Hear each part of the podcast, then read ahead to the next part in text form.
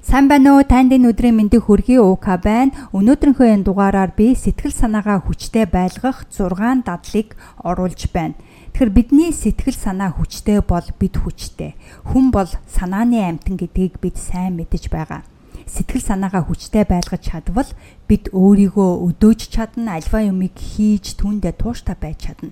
Тиймээс би өнөөдөр сэтгэл санаагаа хүчтэй байлгах энэ 6 дадлыг та хуваалцаж байгаадаа маш их баяртай байна. Та хүс хий хүр уука төмрийн хамт подкаст сонсож байна. Та энэ подкастаас оюун ухаан, бие махбод, зүрх сэтгэлээ хамтд нь тууштай хөгжүүлж бизнесийн, фитнесийн, хувийн амжилтанд хүрэхэд туслах мэдээлэл, зөвлөгөө, арга барилуудаас суралцах болно. Хэрвээ та амжилтанд хүрэх хүсэлтэй бол нааша суугаад подкастаа сонсноо. За тэгэхээр сэтгэл санаагаа хүчтэй байлгах 6 дадлын хамгийн эхний дадалд юу оруулж байна вэ гэвэл эерэг юмн дээр анхаарлаа төвлөрүүлэх. Эерэг юмн дээр анхаарлаа төвлөрүүлснээр битгэл бидний сэтгэл санаа хүчтэй байдаг. Хүнд хэцүү үеийг давахын тулд шүдээ зугаад өнгөрөөнө гэдэг бол маш хэцүү даваа тэр тусмаа тусалцаа дэмжлэг байхгүй үед бол бүр хэцүү. А надад ийм байдал тийм ээ зөндөө тохиолдож байсан. Тэр үед би аль болох эерэг юмн дээр анхаарлаа төвлөрүүлэхийг хичээдэг байсан. Анх хүний газар ирчээд надад туслах, дэмжих, намайг тус надад туслах, намайг дэмжих хүн огт байхгүй байсан. Тэгээ тэр үед мөн ялгаагүй аль болох эерэг юмн дээр анхаарлаа төвлөрүүлэхийг хичээдэг байсан л да. Одоо ч гэсэн ялгаагүй ямар нэгэн бэрхшээл төв бэрхшээл тааралдахад би бас эерэг юмн дээр анхаарлаа төвлөрүүлэхийг хичээдэг. Зовлон бэрхшээл дээр анхаарлаа төвлөрүүлээд бухимдаад гомдлоо зовлонгоо тоочод байх юм бол юун шүдээ зугаад авах мантай харин ч бууж өгдөг өгдөг. Дээр нь бүхэл болохгүй гэх юмыг өөртөө татна. Яг л нөгөө ертөнцийн таталцлын хуулийн дагуу эерэг юмн дээр анхаарлаа төвлөрүүлэл эерэг юмыг бид өөрлөгөө татна. Сөрөг юмн дээр анхаарлаа төвлөрүүлвэл бүхэл болж бүтэхгүй сөрөг зүйлүүдийг өөртөө татах болно. Мэдээж бид сөрөг зүйлийг өөртөө татахыг хүсэхгүй аль болохоор эерэг зүйлүүд дээр анхаарлаа төвлөрүүлж эерэг зүйлийг өөртөө татаж тэр бэрхшээлийг давн туулж гарах бүхэл боломжийг харахыг хичээн тийм үү. Тийм болохоор эерэг юмн дээр анхаарлаа төвлөрүүлээрэ. Тийм учраас дараагийн удаа бэрхшээлтэй тааралдах юм бол нүдэн аниад би энэ хэцүүгийн ард гарч чадвал би энэ бэрхшээлийг давж чадвал ямар сайхан байх болоо гэдгийг төсөөлөөд зураглаад бодоод үзээрэй. Ингэсэн тохиолдолд та эерэг юмн дээр анхаалаа илүү төвлөрүүлэх болно. За тэгэхээр сэтгэл санаагаа хүчтэй байлгах хоёр дахь дадал юу вэ гэвэл шин ур чадвар эзэмших байгаа. Шин ур чадварт эзэмшснээр хүний сэтгэл санаа маш хүчтэй дээгүр байдаг юм шиг надад санагдсан л да. Жишээлх юм бол би бэлтгэл хийхдээ тийм ээ дасгалаа хийхдээ бэлтгэл хийхдээ олон янзын юмыг хийж үзэж чадах хийж үзэж үзэж турших дуртай байдаг. А тэгээ хэрвээ чадахгүй бол тэгээ хийж үзээд чадахгүй байгаа бол түүнийг сайжруулахын тулд өдөр болгон давтлах сургуульд хийдэг.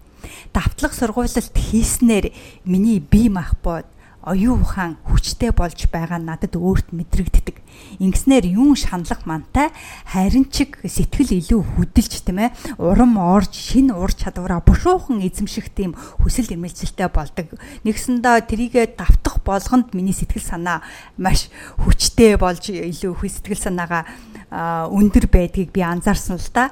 А тэгээд энэ нь зөвхөн дасгал дээр ч биш бусад бүх талбарууд дээр нэгсэндээ амьдралын бүх талбарууд дээр ижилхэн нөлөөлдөг. А бас нэг жишээ хэлэхэд би өөрийнхөө вебсайтыг тийм ээ уука төмөр.com-ыг маш сайхан хөгжүүлэх юмсан гэж би их удаан бодсон л бодсон л да.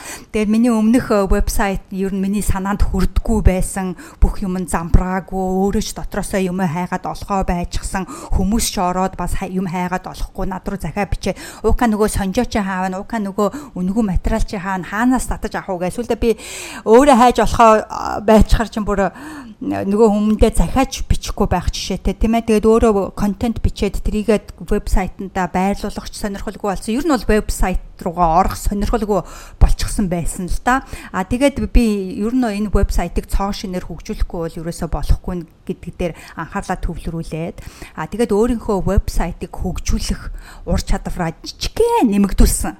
Тэгээ жижигхэн нэмэгдүүлсний гавья юу вэ гэвэл би 7 хоног нойргүй сууж байгаад өөрийнхөө вебсайтыг цоо шинээр өөрийнхөө хүслээр хийж дуусгасан.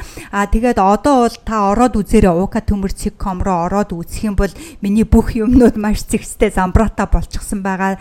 Хүн харахад ч гэсэн эвтэйхэн өнгөтэй болчихсон байгаа. А тэгээд тавка төмөрцг.com гэдээ орох юм бол тэнд бизнес, фитнес, хувийн амжилт гэдээ гурав хуваацсан байгаа. Тэгээд тэр бизнес дээр нь дарах юм бол бизнестэй холбоотой үнэгүй материалуудыг татах боломжтой. Фитнес дээр дарах юм бол фитнестэй холбоотой үнэгүй материалыг татаж авах боломжтой. Мөн хувийн амжилт руу орох юм бол та миний амжилтын тарины эхний бүлгийг татаж авах боломжтой болсон байгаа.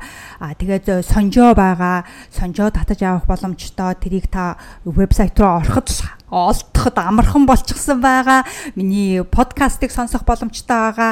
Ямар сургалтууд байгааг бас үзэж харахад амархан болчихсон байгаа. Тэм учраас уука төмөрцг.com руу ороод үзээрэй.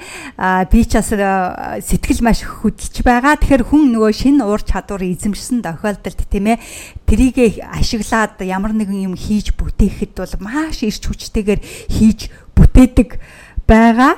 А тэгээд ингэснээр а хүн юун шаналх манта харин ч сэтгэл хөдлөж урам орж шинэ ур чадвараа бушуухан эзэмшиж түүнийг ашиглаж дахин шинэ юм бүтээх хүсэл эрмэлзэлтэй болсон байдаг тийм учраас шинэ ур чадвар эзэмших нь хүнд маш их хэрэгтэй байдаг юм байна гэдгийг би өөрөө бүр сайн мэдэрч авсан. Тийм учраас танд бас хэлэх гээд энэ бичлэгээ дисэн ядан хийж байна. Тэгэхээр ирээдүйд гарч ирэх бэрхшээлд хандах хандлага бас маш их өөрчлөгддөг. Шинэ ур чадвар эзэмшснээр ирээдүйд гарч ирэх бэрхшээлд хандах хандлага өөрчлөгдөж үүнийг би хийж чадсан юм чинь түүнийг би бас хийж чадна гэсэн тийм майндсеттэй болж хөгждгөөрөө бас давуу талтай байгаа.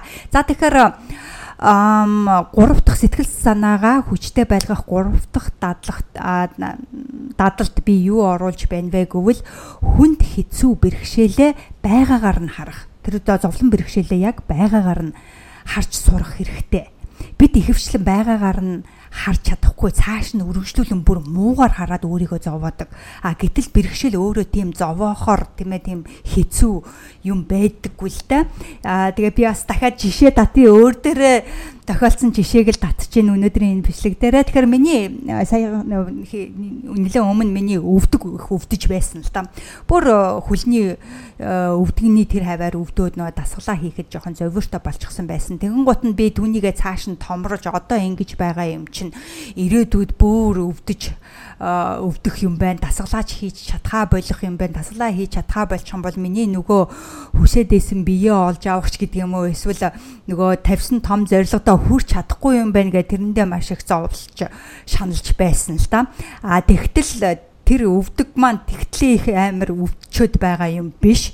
А дасгалаа хийх боломжтой юу гэхэд боломжтой л байсан тийм ээ.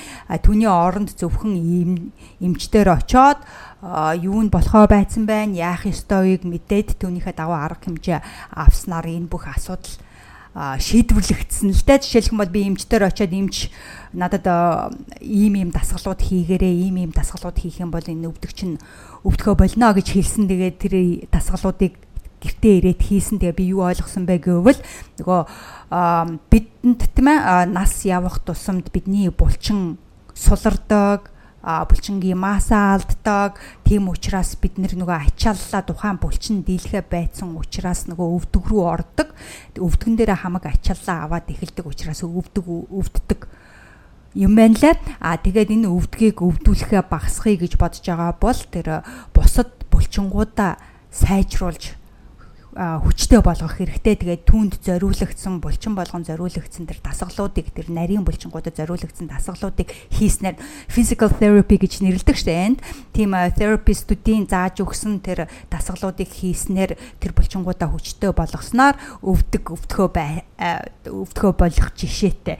Тэгэхгүй зүгээр ийм амархан эмчтэр очиод асуудлыг шийдвэрлэх ёстой байсан асуудлыг бүр цааш нь томсгоод бүр нөгөө зоригдоо хүрч чадхаа болчих юм байна баг хүлгүү болчих юм байна гэсэн бүр цаашаа бүр арай дэндүү муухаар бодож өөрийгөө шаналгаж байсан түүний оронд тэр бэрхшээлээ байгаагаар нь хараад цааш нь ургуулж томруулахгүйгээр яг байгаагаар нь хараад асуудлаа шийдвэрлэх юм бол э, бид нэр илүү тэр асуудлыг шийдвэрлэх боломжийг олж хардаг юм байна гэдгийг би хэлэх хүсэлтэй байна. Тэгэхээр энэ гурав дахь дадал нь юу вэ гэвэл хүнд хэцүү бэрхшээлээ байгаагаар нь харах юм шүү. За ёо. За тэгэхээр дөрөвдөх дадал юу вэ гэвэл сэтгэл санаагаа хүчтэй байлгах дөрөвдөх дадал юу вэ гэвэл хүнд хэцүү үенд бэрхшээлээ хүлээн зөвшөөрөх байгаа. Бид бол хүлээн зөвшөөрдөггүй байгаа аахгүй. Тэгэхээр хүлээн зөвшөөрөх гэдэг дээр би юу хэлмээр байна вэ гэвэл зовч сурах хэрэгтэй. Бэрхшээлтэй учрвал мэдээж зовно. Түүнийгээ давахын тулд бас зовчл таараа. Угаасаа зовлон бэрхшээл маань өөрөө зовлон бэрхшээл гэдэг нэртэй учраас угаасаа зовно. Энэ тэр э, зовч сураагүй цагт тэр зовлон авч сураагүй цагт амжилтанд хүрэхгүй. Тэгэхгүй бид нар нөгөө зовхын оронд уйлал, гомдлол нөгөө хамгийн мо тоочоод л бусдад хилээл яриад явдаг штэ тийм ээ. А тэгэх юм бол бид өрөөсөө амжилтанд хүрч чадахгүй. Амжилт үнэгүй олддоггүй хизээч үнэгүй олдохгүй. Тиймээс зовж чаддаг байх хэрэгтэй. Нэгсэндээ тэр бэрхшээлээ зовлонгоо дааж чаддаг, зовоод дааж чаддаг байх хэрэгтэй.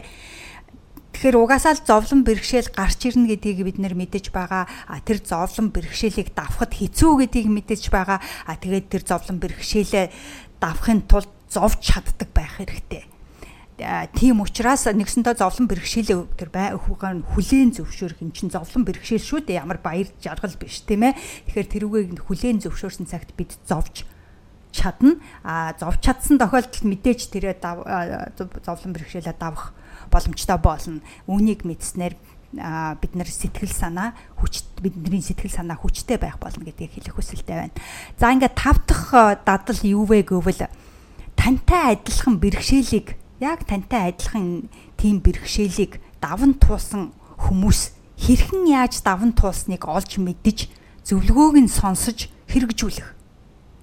Эсвэл тийм хүмүүстэй танилцж хүрээнд нь орох. Ингэснээр таны сэтгэл санаа хүчтэй байх бол бууж өгөхгүй. Тэр зовлон бэрхшээлтэй баригдахгүй, бууж өгөхгүй. Аа түүнийгээ даван гарч чадах тэр сэтгэл санаа хүчтэй байх болно. 5 дугаарт. А ингээд хамгийн эцсийн сэтгэл санаагаа хүчтэй байлгах дадал юу вэ гэвэл өөртөөгөө адилхан бэрхшээлтэй байгаа те ижилхэн бэрхшээлтэй байгаа хүмүүст сэтгэл санааны дэмжлэг үзүүлж туслах. Ингэснээр та өөрөө өөрийнхөө сэтгэл санааг сэргээж хүчтэй болгоно гоё байгаа эцтэй тийм ээ. Тэгэхээр өөрөө хэрвээ зовж шаналж байгаа бол зовж шаналж байгаагаа бусадтай хуваалцаж тий би ингэж байна бүгдээрээ адилхан та ганцаараа биш ямар нэгэн байдлаар сэтгэл санааг нь дэмжснээр таны өөрийн сэтгэл санаа бас хүчтэй болох байгаа. За тэгэхээр энэ 6 а дадал танд таалагдж байгаа байх гэж бодож байна. Тэгээд хэрвээ таалагдж байгаа бол таалагдсан гэдгээ надад хэлээ доор комент дүлдээгээрээ мөн яг энэ сэтгэл санаагаар унаж байгаа найс нөхөд байгаа бол энэ бичлэгийг цааш нь дамжуулж тус хөргөөрэй. Тэгэхээр өнөөдрийн энд сэтгэл санаагаа хүчтэй байлгах 6 дадлт эхлээд эерэг юмн дээр анхаарлаа төвлөрүүлээрэй. Төвлөрүүлэх дадал байгаа эерэг зүйл дээр анхаарлаа төвлөрүүлэх юм бол бид эерэг сайхан бүхнийг өөрлөгөө татна. Сөрөг юм дээр анхаарлаа төвлөрүүлээд бид сөрөг бүхнийг өөрлөгөө татах болон түүнийг бид хүсэхгүй хэрэггүй. Тиймээс эерэг юмн дээр анхаарлаа төвлөрүүлээрэ хоёрдугаарт шин ур чадвар эзэмшиж байгаараа тэгэхээр зовлон бэрхшээл лиг даван туулах нэг нууц бол шинэ ур чадварыг эзэмших байгаа. Тэгэхээр шинэ ур чадвар эзэмших энэ хоёр дахь арга бол миний хамгийн шилдэг арга байгаа. Нэгсэндээ амжилтанд хүрэх нууц гэж болно. Тэгэхээр энэ шинэ ур чадвар эзэмших дадлыг зайлшгүй эзэмших ёстой дадлуудын нэг гэж би үзэж байгаа. А ингээ 3 дугаар түнд хэцүү бэрхшээлээ байгаагаар нь хараараа цааш нь бити ургуулж бүр улам муу болгож томруулж хараараа яг байгаагаар нь харснаар бид түүнийгээ даван тулах боломжтой болно. Бүх даван тулах зүйлүүдийг олж харах болно. Дөрөвдүгээр хүнд хэцүү бэрхшээлээ хүлээн зөвшөөрөх буюу зовж сурах хэрэгтэй. Зовж сурснаар бид амжилтанд хүрнэ. Амжилт үнэгүй олдохгүй тиймээс зовж чаддаг байх хэрэгтэй гэдгийг хэлэх хүсэлтэй байна. Ингээ 5 дугаарт тантай адилхан бэрхшээлийг таван туулсан хүмүүсийн туршлагаас суралцаад хэрэгжүүлээд мөн адилхан бэрхшээлтэй байгаа тэр хүмүүсийн игнэнд тийм ээ тэр хүмүүсийн өстэй танилцж тэр хүмүүсийн хүрээнд орсноор та сэтгэл санаагаа хүчтэй байлгана ингээд 6 дугаар өөртөө адилхан бэрхшээлтэй хүмүүст сэтгэл санааны дэмжлэг үзүүлж тусалж байгаараа гэдгийг хэлэх хүсэлтэй байна. Эдгээр 6 дадлыг та өөртөө суулгаснаар зовлон бэрхшээлийг зовлон бэрхшээлээр харж чадахгүй харин ч зовлон бэрхшээл станаар намайг сорьсон сорилт байна